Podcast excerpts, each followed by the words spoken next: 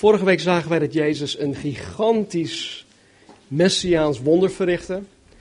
Door tienduizenden hongerige mensen te voeden met twee visjes en een aantal broodjes, een vijftal broodjes. En vanmorgen, vanmorgen pakken wij het verhaal op in Matthäus 14. Uh, Matthäus 14 en vers 22. Maar voordat wij daar naartoe gaan, moeten we eerst een stukje in uh, Johannes lezen. Johannes hoofdstuk 6, om het beeld compleet te krijgen. Dus laten we eerst naar Johannes 6 toe gaan. En dan uh, even kijken, vers 14 en 15. Dit is de parallelpassage van de wonderlijke spijziging, dus het gaat om hetzelfde wat wij vorige week hebben behandeld. Maar Johannes voegt hier iets aan toe. Hij zegt, toen de mensen dan het teken dat Jezus gedaan had gezien hadden, zeiden zij, hij, Jezus, is werkelijk de profeet die in de wereld komen zou. Omdat Jezus nu wist dat zij zouden komen en hem met geweld mee zouden nemen om hem koning te maken, trok hij zich opnieuw terug op de berg hij zelf alleen. Tot zover. Verhaal van vorige week. Eh, nadat Jezus zo'n 5000 mannen plus vrouwen en kinderen gevoed had, wilde deze menigte Jezus voor hun karretje spannen. Zij verwachten de komst van de Messias, de profeet die komen zou. Zij verwachten dat deze Messias hen zou verlossen van de bezettingsmacht van Rome. Zij verwachten als het ware een, een sociale en een, een politieke Messias. En toen ze zagen dat, dat deze Jezus het profiel van de Messias ook, ook matchte, wilden zij Jezus ertoe dwingen om zijn plaats als koning der Joden in te gaan nemen. In, uh, in Lucas 19:11 staat er dat mensen dachten dat het koninkrijk van God onmiddellijk zou aanbreken. De komst van de Messias betekent de komst van het koninkrijk van God. Maar de menigte mensen waren niet de enige die dit dachten. De twaalf discipelen dachten na twee jaar lang met Jezus opgetrokken te hebben nog steeds dat Jezus het koninkrijk van God onmiddellijk zou gaan vestigen. Zelfs na zijn hemelvaart, of bij de hemelvaart, net voor de hemelvaart, vroegen ze: is, is, is nu de tijd aangebroken dat u uw koninkrijk gaat vestigen? Dus ze snapten nog steeds niet dat het ver in de toekomst zou gaan gebeuren. En nu Jezus het punt in zijn, zijn populariteit had bereikt, hè, dat hij een, een gigantisch achterban had verworven, was het tijd, dachten de discipelen, dat het koninkrijk van God gevestigd zou gaan worden. En ik kan me voorstellen dat zij ongetwijfeld hadden gedacht, nu is het moment aangebroken. We hebben twee jaar lang met Jezus opgetrokken. We hebben twee jaar lang dag in en dag uit dingen met Jezus gedaan. En nu mogen we eindelijk samen met Jezus de boel overnemen. Nu gaat alles veranderen. We zullen bevrijd worden van de Romeinen, van de uh, Herodesen, van alle ellende. Sterker nog, we hoeven ons totaal geen zorgen te maken om eten en dergelijke, want Jezus heeft bewezen dat Hij ons zal voeden, dat Hij ervoor zorgt. Maar kijk wat, wat, wat er gebeurt. Kijk wat Jezus doet en hoe Hij hierop reageert. Dus nu terug naar Matthäus 14, 22.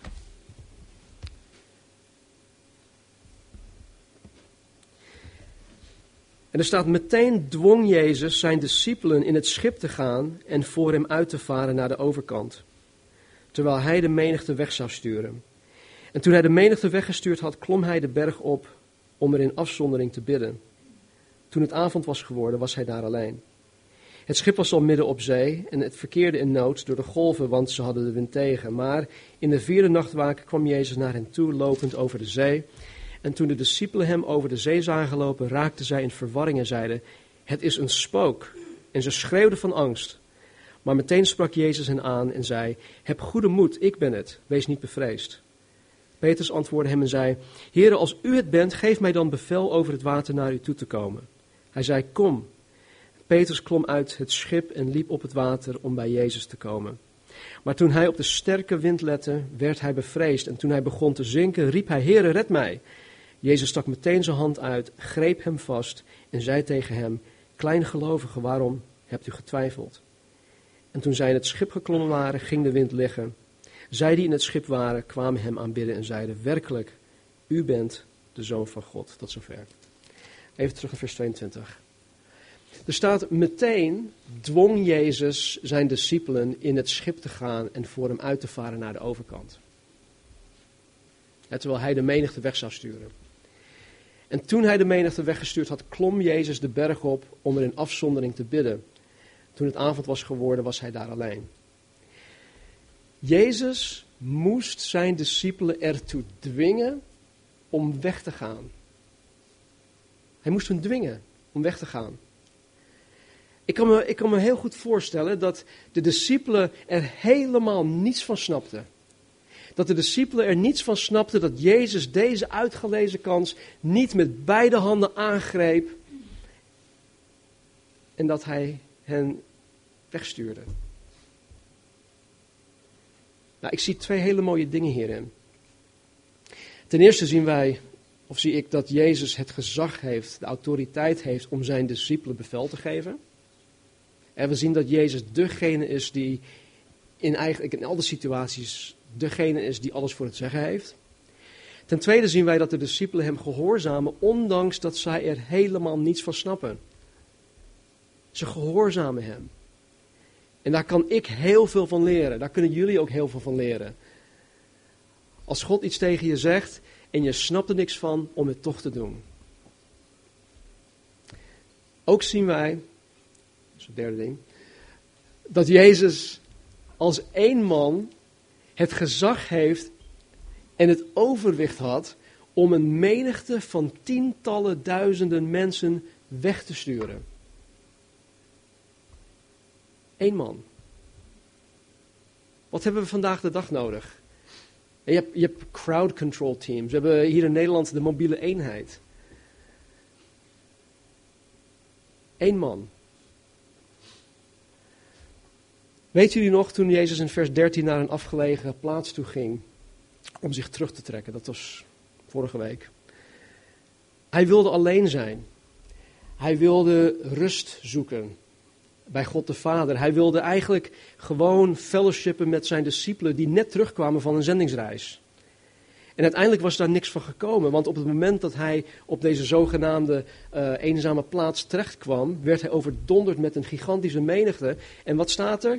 Hij was innerlijk met ontferming bewogen over hen en hij genas hun zieken. Dus hij kon het niet laten om niet bewogen te zijn voor die menigte. Maar goed, nu zijn de discipelen weg. Nu is de menigte weg. En nu zorgt Jezus ervoor dat hij de tijd neemt om zich af te zonderen om met God de Vader in gesprek te gaan. Ik weet niet hoe jullie dit ervaren, ik denk wel hetzelfde. Maar als ik wil bidden, dan komt er altijd iets tussen. Er komt altijd iets tussen. En zelfs als er niets extern tussen komt, en dan kan je zelf altijd wel iets anders vinden om te doen in plaats van tijd te nemen om in gebed te gaan. Om je af te zonderen. Om in gebed te gaan met God de Vader. En Jezus is, hierin een heel goed voorbeeld voor ons. Want hij, hij wist dat hij zijn rust alleen bij God kon vinden. Wij denken dat we, dat we uitslapen dat, dat, dat, dat we daar onze rust in vinden. Heerlijk, weekendje weg. Dat helpt wel, maar daar vinden wij geen innerlijke rust. En Jezus wist dat hij zijn rust bij God kon vinden. Hij wist dat hij zijn kracht bij God moest zoeken. Hij wist dat God de Vader ernaar verlangt om, om één op één met Jezus intieme gesprekken te hebben. Daar was Jezus van doordrongen. En daarom moest Jezus, koste wat kost, zichzelf regelmatig afzonderen om alleen met de Vader te kunnen zijn. Probeer daarop te letten als je de Evangelie leest. Dat Jezus zichzelf heel vaak, regelmatig afzonderde om met de Vader te zijn. En al moest hij dit middernacht doen, zoals in dit geval. En je zou denken van, nou, je hebt een hele drukke dag gehad. Ik heb minstens acht uur slaap nodig voordat ik er weer tegenaan kan. Maar wat doet Jezus? Hij heeft een hele drukke dag gehad en hij spendeert de hele nacht in gebed. En vanuit die gebedspositie gaat hij de volgende dag weer in. Want daar putte hij zijn kracht uit. Ik raad niet aan om dat elke dag te doen. Maar ik heb ook wel eens momenten gehad. Ik heb ook wel eens die gelegenheden gekregen dat je dan geen slaap krijgt. En dat je je vervolgens nog meer energiek voelt dan had je acht uur lang kunnen slapen. Jezus had kracht, toch? Laten we eerlijk zijn. Hij had kracht. Jezus had wijsheid. Jezus had volkomen vertrouwen in God de Vader. Hij had energie. zonder Red Bull. Hij had heel veel energie. Jezus had doorzettingsvermogen. Hij had visie. Jezus was zo gefocust. Jezus was echt gefocust. En hij was innerlijk met ontferming bewogen over de verlorenen. En ik geloof dat Jezus dit allemaal te danken had aan zijn gebedsleven. Vergeet niet, hij was 100% mens. Hij is het ultieme voorbeeld van een geestvervulde christen. Hij koos ervoor om zelfs s'nachts niet te slapen indien dat nodig was. Om tijd met God de Vader door te brengen, zodat hij zijn bediening kon uitoefenen, zodat hij gewoon kon doen wat, hij, wat God van hem verwachtte, verlangde. Vers 24. Het schip was al midden op de zee en verkeerde in nood door de golven, want ze hadden wind tegen. Nou, wind tegen is heel zacht uitgedrukt. Jullie kennen allemaal, als je aan het fietsen bent, je hebt wind tegen, nou dat is balen. Maar wind tegen is heel zacht uitgedrukt. In de parallelpassage in Johannes 6 staat dat de zee onstuimig werd door extreem harde wind. De discipelen bevonden zich dus midden in een storm. Nou, dit moeten we echt ter harte nemen. Jezus dwong zijn discipelen om het schip in te gaan om naar de overkant toe te varen. Volgens Johannes was het al donker geworden. Jezus gaf de discipelen een expliciet bevel en zij gehoorzaamden hem. De discipelen waren dus in Gods wil. Ze deden niets verkeerd, integendeel, zij deden precies wat God van hen vroeg. Maar ze kwamen terecht in een storm. Ze kwamen terecht in een hele lastige situatie. Ze kwamen terecht in vervelende, vermoeiende en ellendige situatie. En dit allemaal zonder dat Jezus erbij was om hen te helpen. En dan is de vraag, hoe kan dit? Hoe is het mogelijk dat zij zich in zulke nare toestanden bevinden? Want zij gehoorzaamden Jezus, toch? Ze deden toch niets verkeerd? Ze waren toch in Gods wil? Nou, ik geloof de reden was omdat Jezus hen een, een, een belangrijke, een, een essentiële les wilde leren. Hij wilde hen een essentiële les leren. En ik geloof dat dit alleen mogelijk was wanneer zij zich volkomen in Gods wil bevonden. Wanneer zij Jezus onvoorwaardelijk zouden gehoorzamen, zoals zij dat deden. Dus de discipelen bevinden zich in Gods wil. Ze zijn Jezus gehoorzaam. Tegelijkertijd bevinden zij zich in een hevige storm. Maar kijk wat er gebeurt. Vers 25. Maar in de vierde nachtwaken kwam Jezus naar hen toe, lopend over de zee. En toen de discipelen hem over de zee zagen lopen, raakten zij in verwarring en zeiden: Het is een spook. En zij schreeuwden van angst. De vierde nachtwaken, dat is tussen drie uur s'nachts en zes uur s ochtends. Ze hadden het verdeeld van zes uur tot zes uur. Dus eerste nachtwaken zou zijn zes uur s avonds tot negen uur, tweede negen tot twaalf, derde twaalf tot drie en zo, enzovoort. Dus Jezus kwam ergens tussen drie uur s'nachts en zes uur s ochtends naar de discipelen toe. Als je nagaat, hij heeft hun dus urenlang laten ploeteren. Hij heeft hun urenlang laten ploeteren en volgens Johannes hadden zij in al die tijd slechts vier kilometer afgelegd. Ze kwamen amper vooruit. Nou, het mooie ervan is dat zij het niet opgaven. En normaliter, wanneer men in een storm terechtkomt, keren ze de boot om, gaan ze terug en proberen het de volgende keer wanneer er geen storm is. Of wanneer de storm voorbij is. Maar zij bleven de Heeren gehoorzamen, ondanks de zeer zware omstandigheden.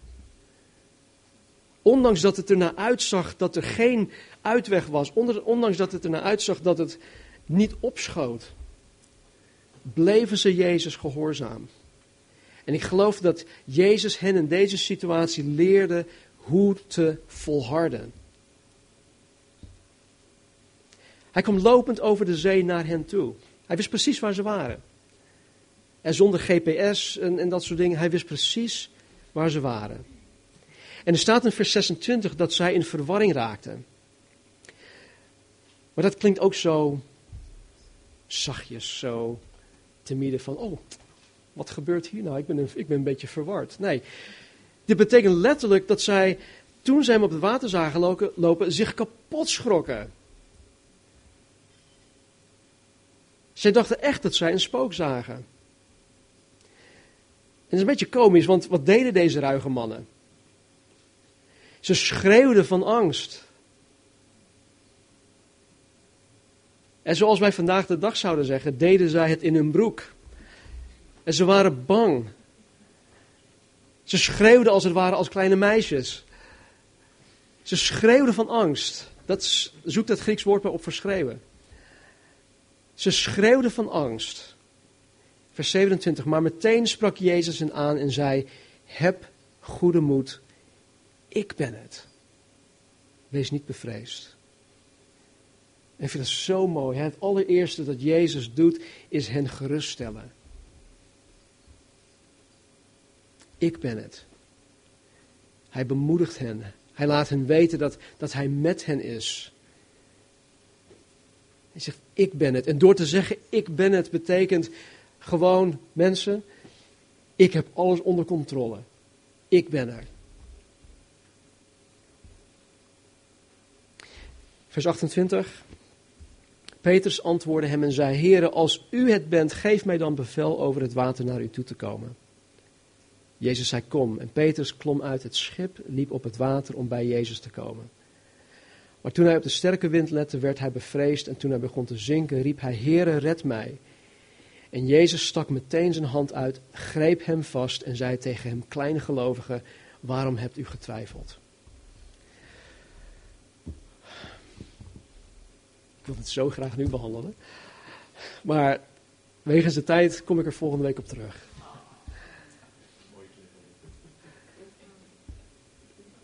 We gaan wel verder, maar alleen dit stuk, dat is zo gaaf.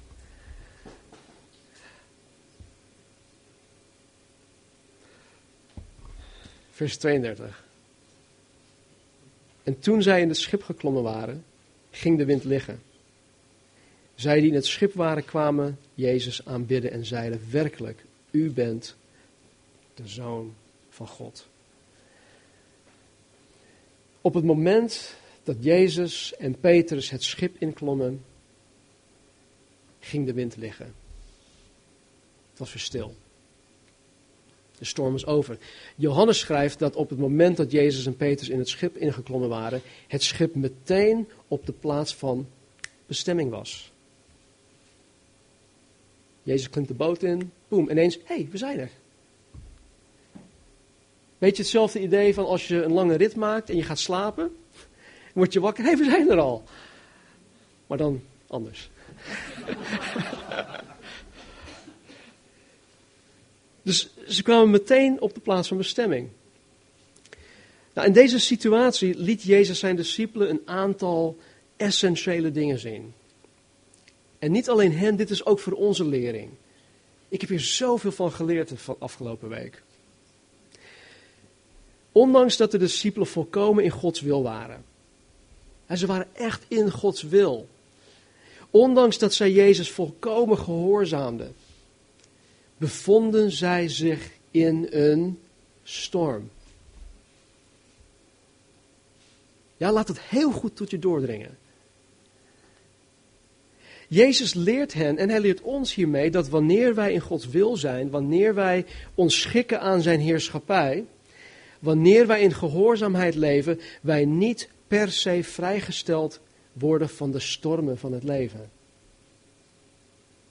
Integendeel, God gebruikt juist de stormen van het leven om ons essentiële lessen te leren, om ons te helpen Hem beter te leren kennen, om Hem meer effectief te kunnen dienen.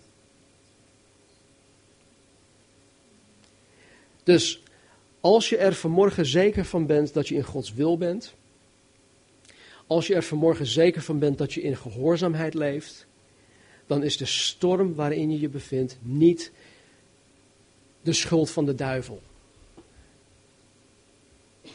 God heeft alles onder controle.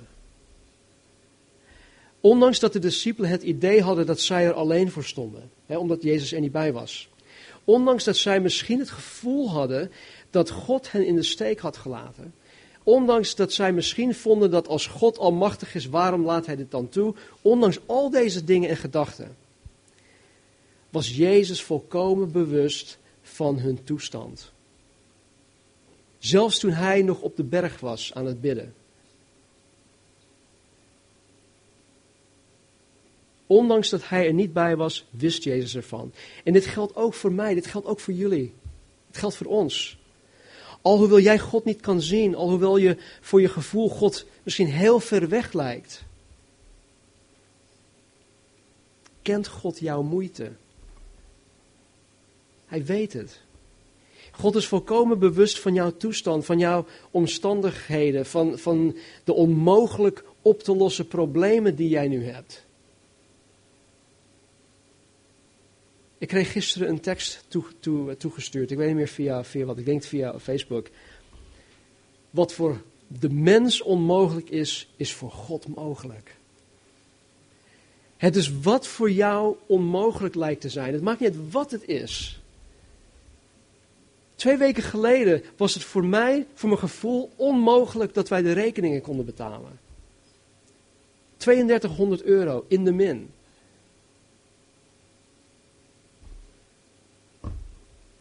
Weet je, er zijn zoveel dingen die in, in mijn eigen leven echt onmogelijk leken. Maar voor God is alles mogelijk. En als je dat kan geloven, als je je daaraan vasthoudt, en dan kan je figuurlijk bergen verzetten. Hier in Nederland hebben we geen bergen.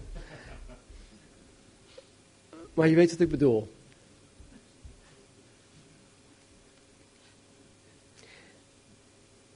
Jezus liet hen urenlang ploeteren voordat hij hen te hulp kwam. Ik geloof dat Jezus hen eh, tot het einde van zichzelf wilde laten komen, opdat zij in hun wanhoop zouden erkennen dat God alleen bij machten is om hen te helpen. En zoals Hij de discipelen te hulp kwam, wil Hij jou vanmorgen te hulp komen. Hij wil het. We hoeven God niet te overtuigen. Hij is een liefdevolle, genadige God. En hij houdt veel meer van jou dan wij allemaal bij elkaar opgeteld van jou kunnen houden.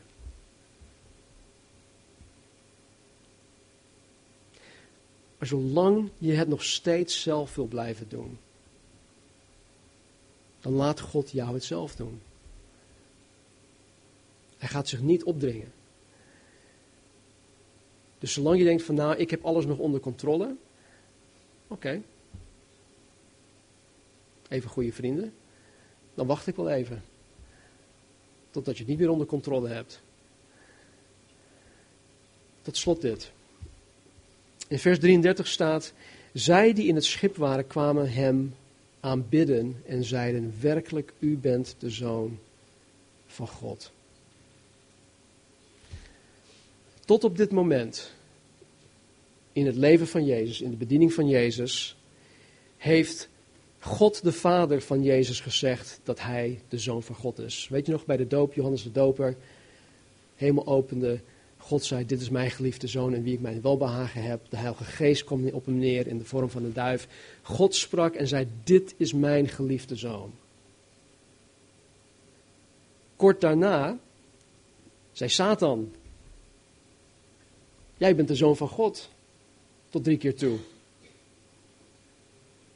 Even later, de man die bezet was met, met een aantal demonen, legioen, noemde Jezus ook de zoon van God.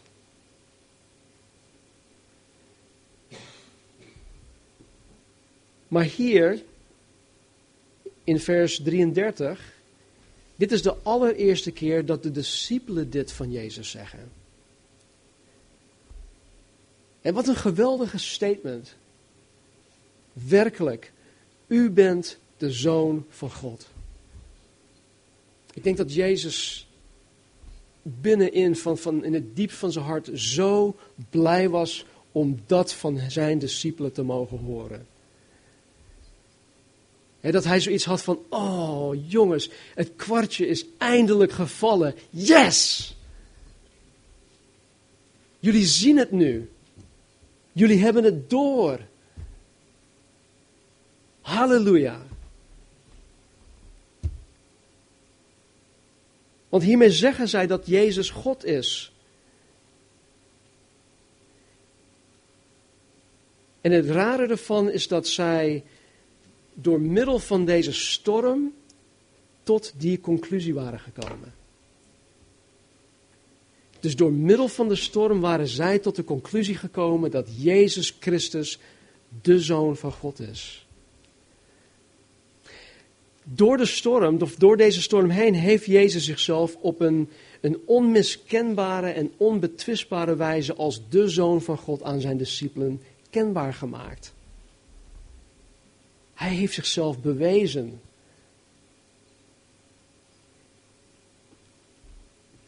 God wil dat wij Hem steeds beter gaan leren kennen. Hij wil dat. Hij wil dat van een ieder van ons. Wat Rudolf ook net zei. Hij, dat, hij, dat hij dankbaar is voor de bediening van de Calvary Chapel, want hij heeft door deze bediening God beter leren kennen. En God wil dat. God wil dat wij Hem elke keer beter leren kennen. En een manier dat heel effectief is om God beter te leren kennen, is door samen met God door een storm heen te gaan. Zo leer je God het beste kennen. Dat is echt de meest effectieve wijze. Ik spreek uit 23, 24 jaar ervaring. Natuurlijk zijn onze diensten waardevol. Het doorspitten van Gods woord. Maar alles wat God ons vanuit zijn woord leert, dat, dat past Hij toe wanneer we door een storm heen gaan. Dan leren we Hem pas echt kennen. Want dan begint Gods woord in ons te leven. Dan begint het echt te leven. Dan zien wij, oh God, wat u heeft gezegd, wat er in de Bijbel staat, het is echt.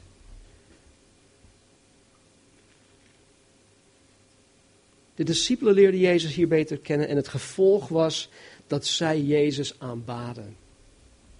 Proskineus. Ze, ze richten zich op Jezus en ze aanbaden hem. Wie is Jezus volgens jou?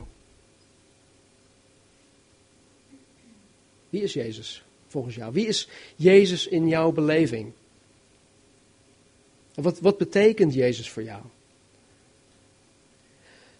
Als Jezus Christus in jouw beleving nog niet de Zoon van God is, El Shaddai, de Almachtige God, of ik ben de persoonlijke God, de redder en verlosser van je ziel, als Hij dat nog niet is, dan ken je Hem nog niet zoals Hij door jou gekend wil worden.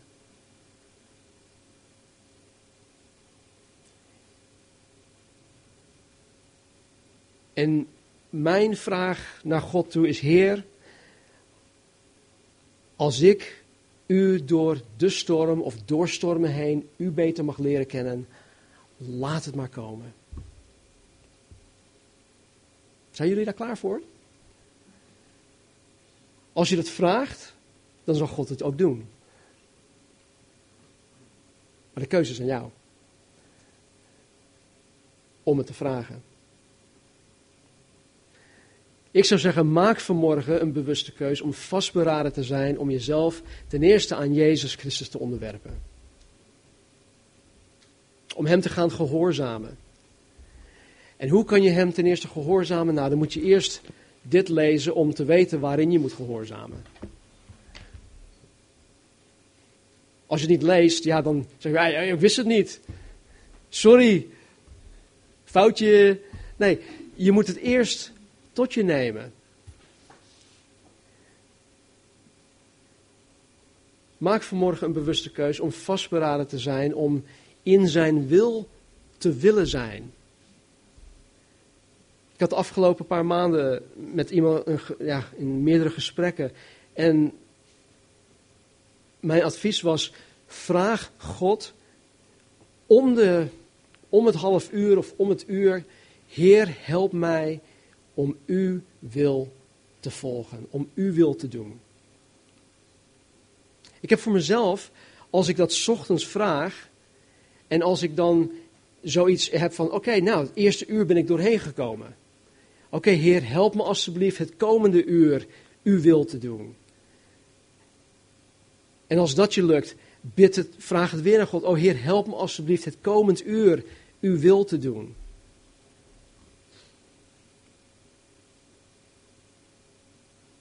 Je kan niet s'avonds voordat je naar bed gaat. Oh, ja, help mij morgen. Oh, alsjeblieft uw wil te doen. Ja, de rest van de week ook. En, oh. Ons geloof is actief. Wij moeten actief met God gaan worstelen. We moeten dingen van Hem afbidden. Dan gaan we Hem leren kennen. Kost wat kost om Zijn wil te doen. Bevind je jezelf vanmorgen in een storm? Wat zegt Jezus? Heb goede moed. Ik ben het. Wees niet bevreesd. Ik stoppen laten bidden. Vader, dank u wel, Heer, voor vanmorgen. Dank u wel dat u zo genadig bent. Dat u uw woord aan ons geeft. Dat u de voorbeelden van de discipelen van Jezus aan ons geeft om daar lering uit te trekken. Dat we uw voorbeeld mogen navolgen. Dat we de voorbeelden van de discipelen mogen navolgen. Heer, kom in ieder van ons vanmorgen tegemoet. En heren, waar nodig, breng de stormen op ons pad, opdat we u echt gaan leren kennen. Doe wat u wil, Heer. U bent onze Heer, u bent onze Meester. En wij maken vanmorgen een bewuste keus om vastberaden te zijn. Om ons te onderwerpen aan uw heerschappij. Want Jezus, u hebt ons gekocht met uw kostbaar bloed. Wij behoren u toe. Wij zijn niet meer ons eigen eigendom. Wij zijn uw eigendom. Help ons daarnaar te leven. En wanneer wij vanmorgen het heilige avondmaal nuttigen, Heer, help ons om te herinneren wat u voor ons gedaan heeft. Help ons, Heer, om in te zien dat u de Zoon van God bent, dat u God bent, Jezus. En help ons u in geest en waarheid te aanbidden. Dank u wel. In Jezus' naam bidden wij. Amen.